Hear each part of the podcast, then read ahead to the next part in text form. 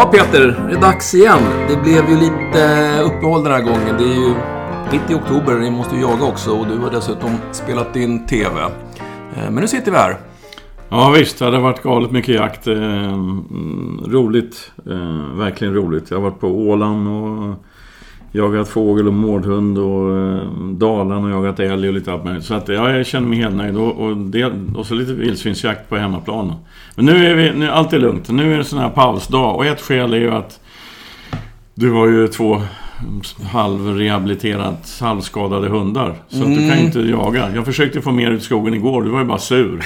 Det är inget kul när hundarna står på, på rehabilitering, men vi ska återkomma till det där.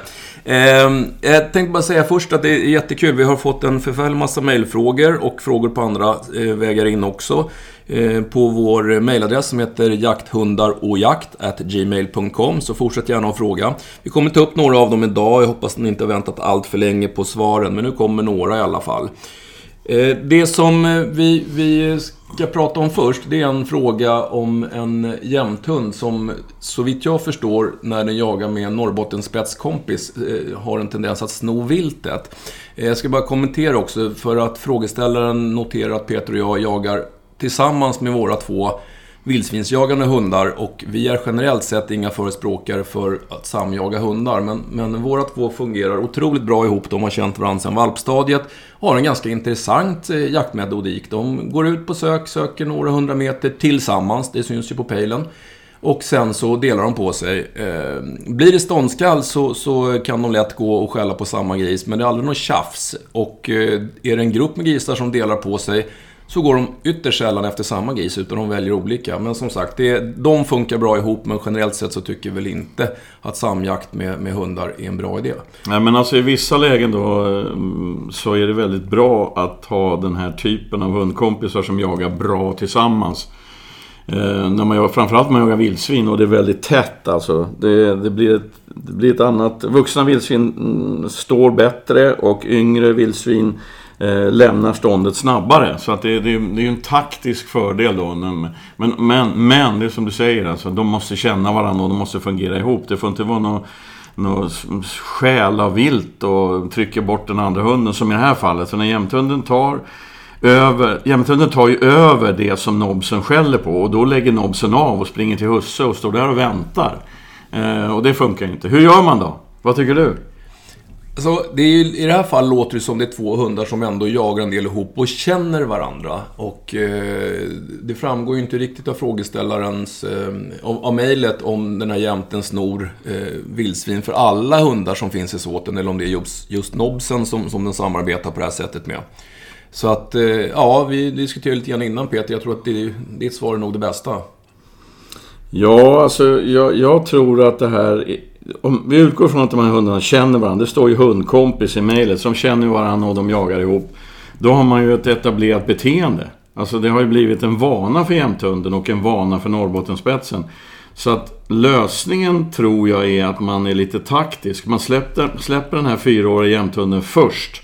Låter den, vi utgår från att den söker stort och den är duktig på att hitta vilt. När den har hittat vilt och står och skäller någonstans då kan man ju släppa Norrbottenspetsen eftersom Norrbottenspetsen går inte till Jämtunden utan det är tvärtom. Ehm, så skulle jag göra. Och sen en annan grej och det är att man, man jagar ju sällan eh, med två spetsar samtidigt. Alltså.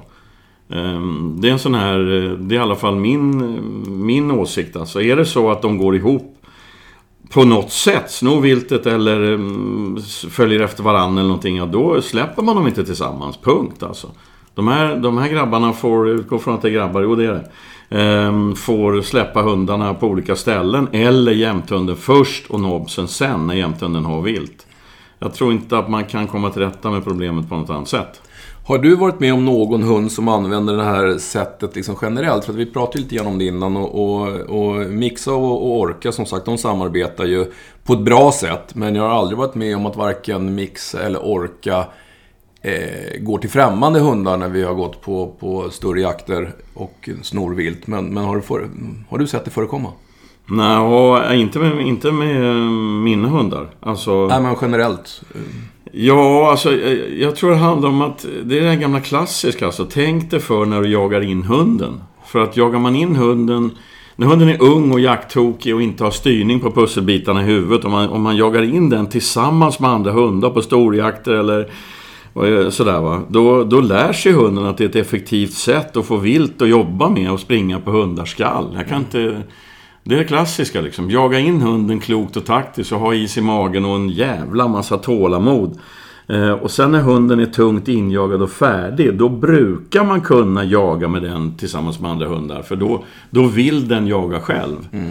Um, men, men, men jag vet inte, det är min erfarenhet. Men, men... Det är inte lätt att korrigera eh, om, det, om det blir ett etablerat beteende eftersom hunden oftast befinner sig ganska långt ifrån där man är. Så det är nog eh, injagning på rätt sätt. Och vet man att man har två hundar som jobbar på det här sättet och inte vill att de ska jobba på det här sättet, då, då får man ju släppa dem var för sig. Eh, eller vid olika tidpunkter. Ja, och sen är det ju, det är ju logiskt som jag ser det. För att jag menar, hundar är ju de lever ju efter ett belöningssystem. Om hunden gör någonting som ger en någon form av vinning, då fortsätter den med, med det. Mm. Gör hunden någonting som, som för med sig någon form av förlust eller problem eller ångest eller någonting annat, då slutar hunden med det. Mm.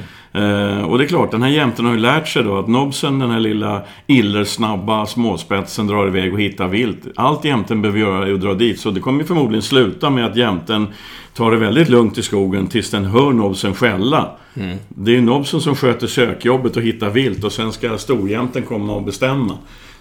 Släpp jämten först. När jämten har hittat vilt och eh, har skällt in sig på ståndet, då släpper man avgångsspetsen. Jag tror inte det finns någon annan variant. Bra.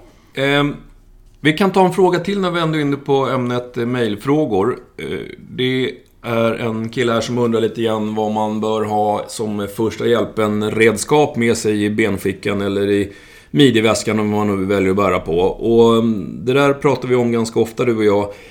Jag har ju varit med på jakter där jag har sett allsköns eh, veterinärmedicinska attiraljer i skogen. Det är nål och tråd och det är saxar och det är tänger och så vidare.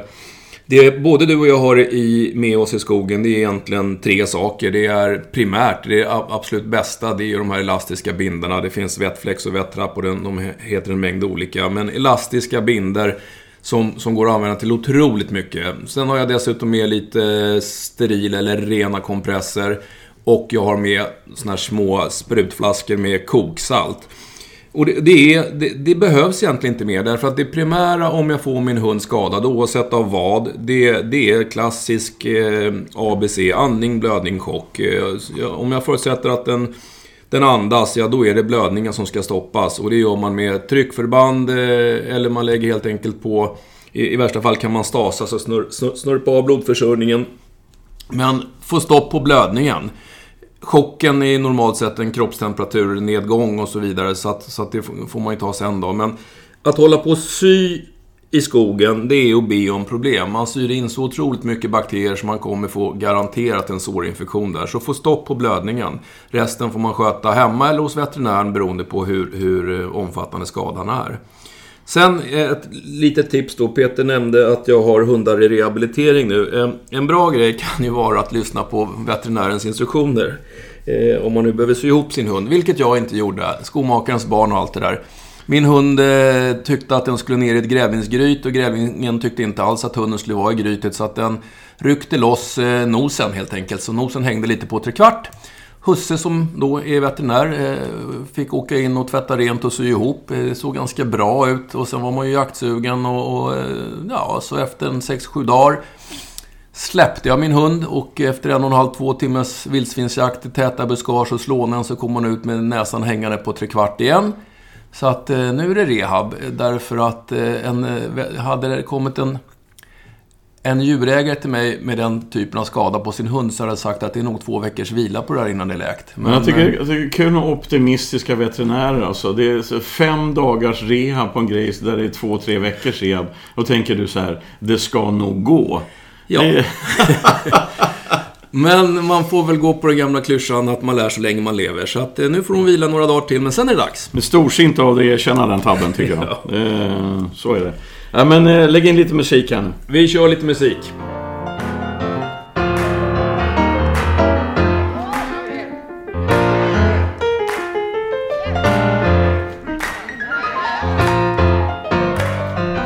Det var proffsigt. Eh, nu har vi faktiskt en fråga till som jag tänkte du ska få ta dig an. Eh, det är en kille som har skaffat sig sin första hund.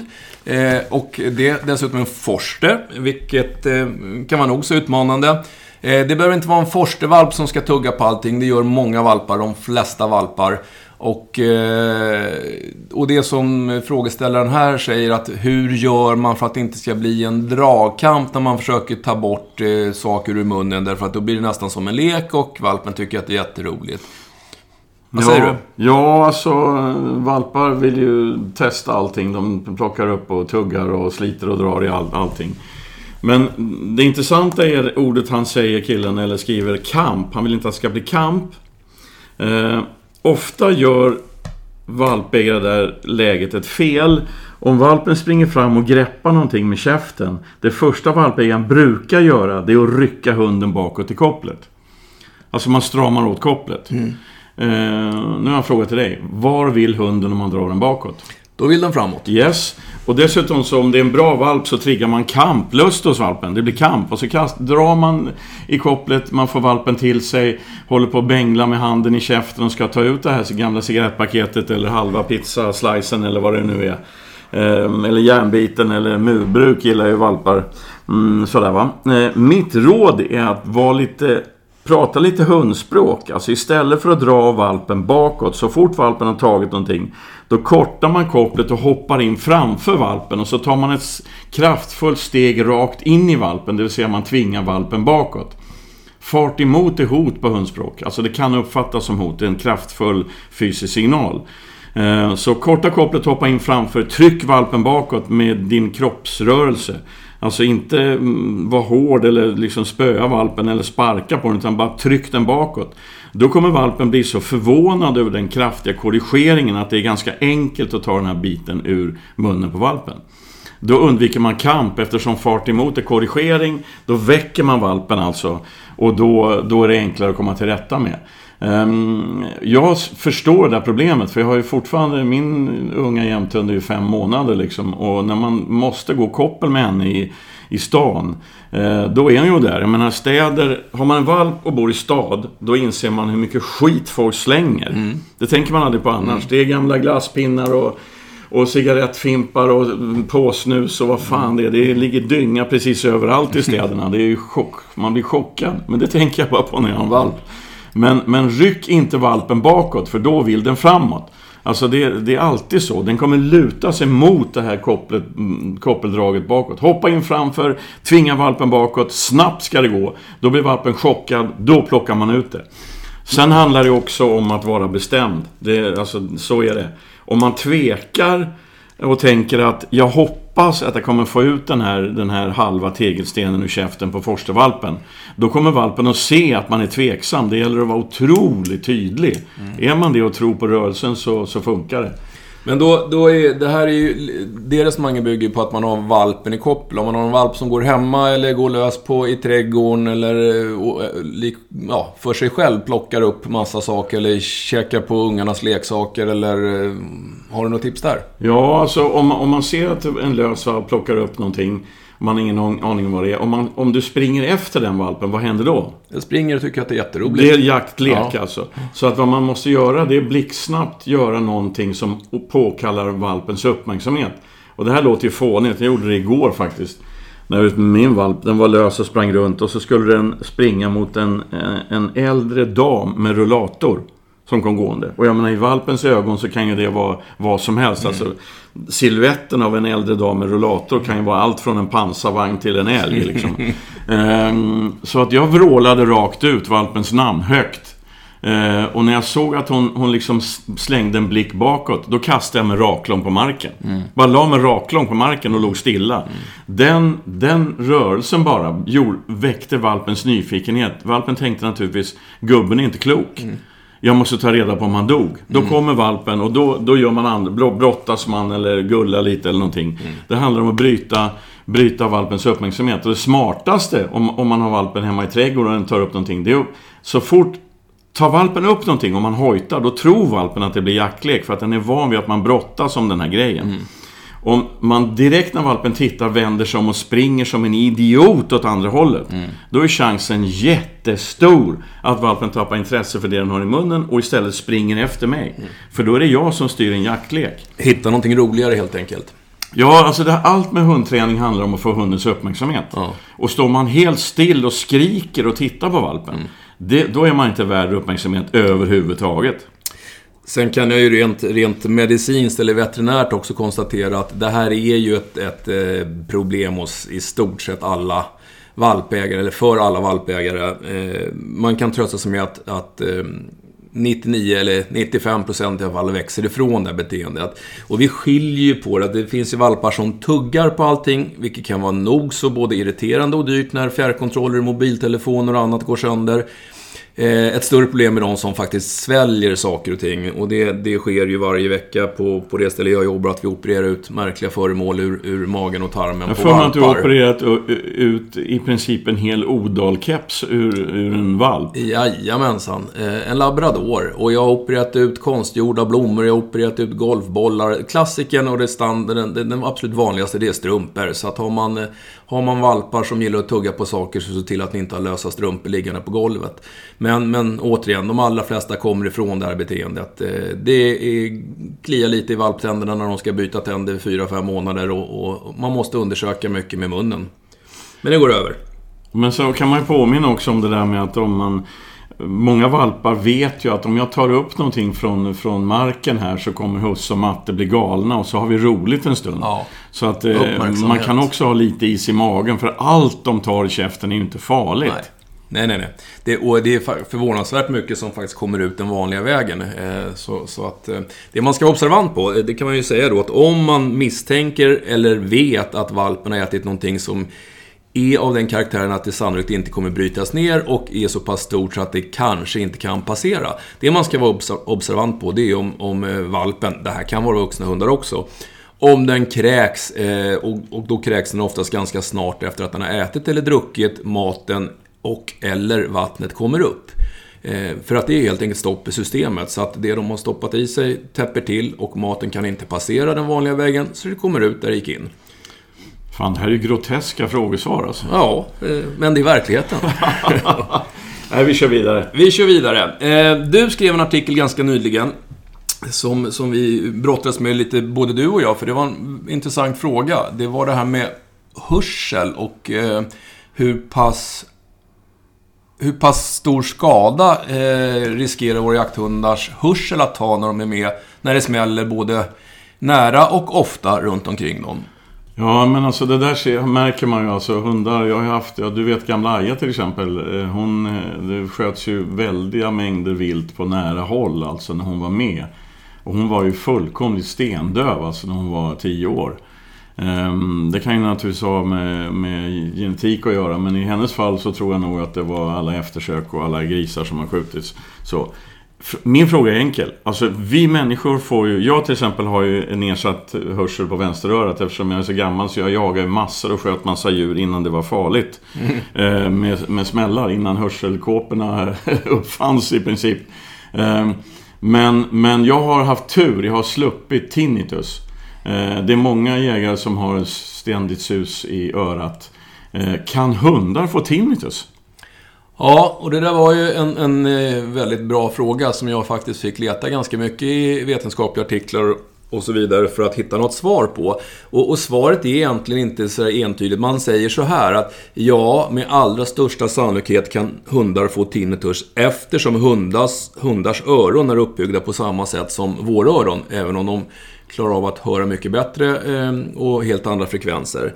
Så att, så att man är ganska övertygad om att hundar kan drabbas av tinnitus och, och följden av det resonemanget blir att många gånger så kan man få in hundar som har Ja, det står helt enkelt, eller Husse, och Matte, eh, Husse eller Matte beskriver att hunden har fått ett ändrat beteende. Eh, den verkar osäker, den kanske reagerar konstigt på ljud och så vidare. Och man, man hittar ingen annan förklaring. Men, men har man då en, en jakthund som rimligen har blivit exponerad för en massa höga skottljud genom åren, så kan tinnitus vara en förklaring. En, en hund som är döv är ju lite lättare att, att diagnostisera att den har tappat hörseln. Men, men tinnitus, den hör ju fortfarande men ljuden blir då otroligt enerverande. Så att ja, hundar kan sannolikt få tinnitus. Okej, man får tänka på det. Ljuddämpare är ingen dum grej om man jagar med ståndhund alltså? Nej, det är ju inte varken för, för eh, husse, matte eller hund. Så att, eh, nej, man ska nog vara lite försiktig med hundars öron. Eh, därför att de, de exponeras ju mm, många gånger mer än vad vi själva gör. Och vi, om vi tycker att det är obehagligt så kan nog, man kan nog utgå från att hundens känsliga hörsel gör att de tycker det är än mer obehagligt. Men, men alltså höga skottljud kan ju vara liksom belöningstriggande också. För jag vet en hund som jag känner ganska väl som direkt det smäller, alltså en ståndhund, direkt det smäller då flyger hunden på viltet. Ja. Alltså man ja. hinner skjuta en smäll. Alltså, så att det, det där är ju det är speciellt. Nej men var försiktig med hundarnas hörsel, det kan vi konstatera.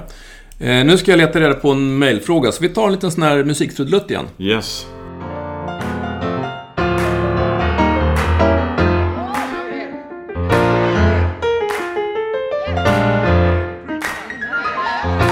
Så, mera musik. Eh, hoppas ni tyckte det var bra. Eh, nu har jag faktiskt en liten sidofråga här i ett av mejlen. Eh, jag och Peter kör ju en del föreläsningar i just det här ämnet som vi pratar om nu, jakthundar och jakt. Eh, någon frågeställare undrar om vi hade några föreläsningar på gång i Skåne.